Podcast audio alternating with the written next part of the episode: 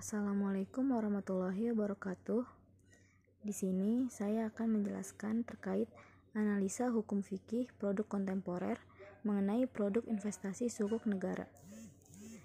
Yang pertama, praktik lapangan dan produk bisnis. Berikut ini adalah prosedur pembelian sukuk retail. Yang sukuk retail ini termasuk ke dalam sukuk negara.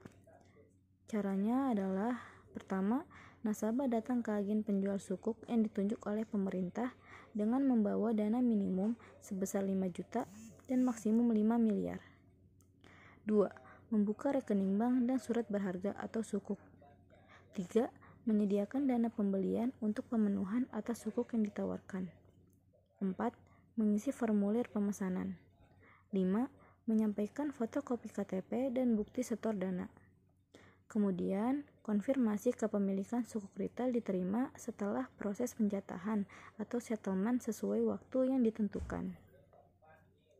Yang kedua, parameter kesesuaian syariah.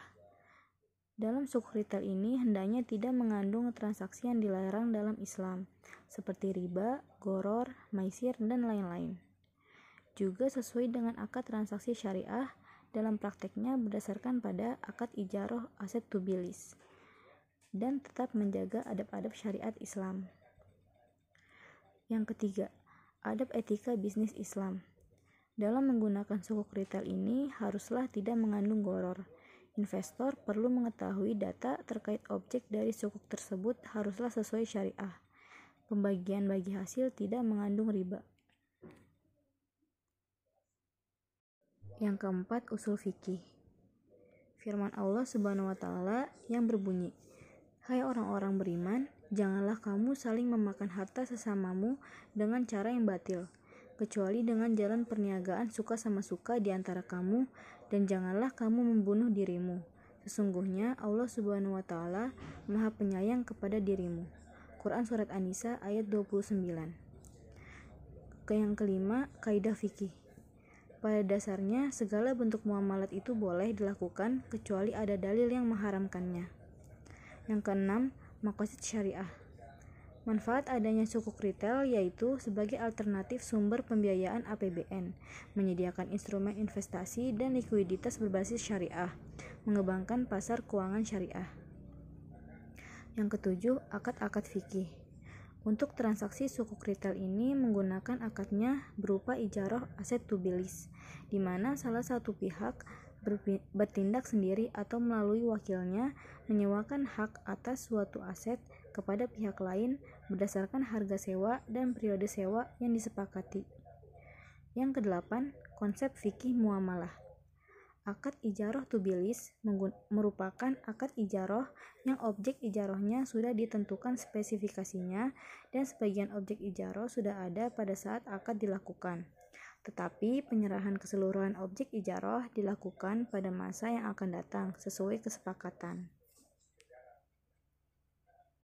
Yang kesembilan, Fatwa DSN MUI. Fatwa DSN MUI nomor 69 tahun 2008 tentang surat berharga syariah negara atau dapat disebut atau dapat disebut sukuk negara adalah surat berharga negara yang diterbitkan berdasarkan prinsip syariah sebagai bukti atas bagian kepemilikan aset SBSN baik dalam mata uang rupiah maupun valuta asing. Di samping itu ada pula, ada pula fatwa DSN MUI nomor 70 tahun 2008 tentang metode penerbitan SBSN. Ada pula fatwa DSN MUI nomor 76 tahun 2010 tentang SBSN Ijaroh Aset Tubilis. Yang ke-10, Fatwa Standar Syariah AAOIV Standar Syariah AAOIV nomor 46 tentang al-wakalah bi al-istismar atau investasi agen. Ada pula Standar Syariah AAOIV nomor 9 tentang ijaroh dan ijaroh mutahiyah bin tamlik. Yang ke-11, UU dan regulasi terkait.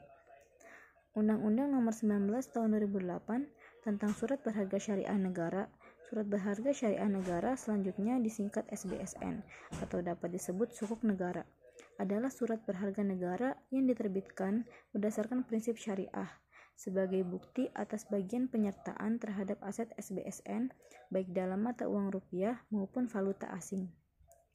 Yang ke-12, jurnal-jurnal nasional dan internasional. Jurnalnya didapat dari investasi syariah melalui surat berharga syariah negara. Jakarta, November 2017, Direktorat Pembiayaan Syariah, Direktorat Jenderal Kepengelolaan Pembiayaan dan Risiko, Kementerian Keuangan. Yang ke-13, berita dan informasi. Instrumen surat utang negara Indonesia masih diminati pelaku pasar. Ini terlihat antara lain dari penyelenggaraan lelang surat berharga negara syariah atau SBN atau SBSN pekan ini yang masih diminati oleh investor. Berita dari kontan.co.id dengan judul surat berharga syariah negara SBSN. Yang ke-14, manajemen risiko dan manajemen pemasaran. Risiko likuiditas adalah potensi kerugian apabila sebelum jatuh tempo, pemilik suku retail yang memerlukan dana tunai mengalami kesulitan dalam menjual suku retail di pasar sekunder pada tingkat harga pasar yang wajar. Mitigasinya, investor dapat menjual suku retail kepada agen penjual karena agen penjual menjadi standby buyer. Sekian, terima kasih.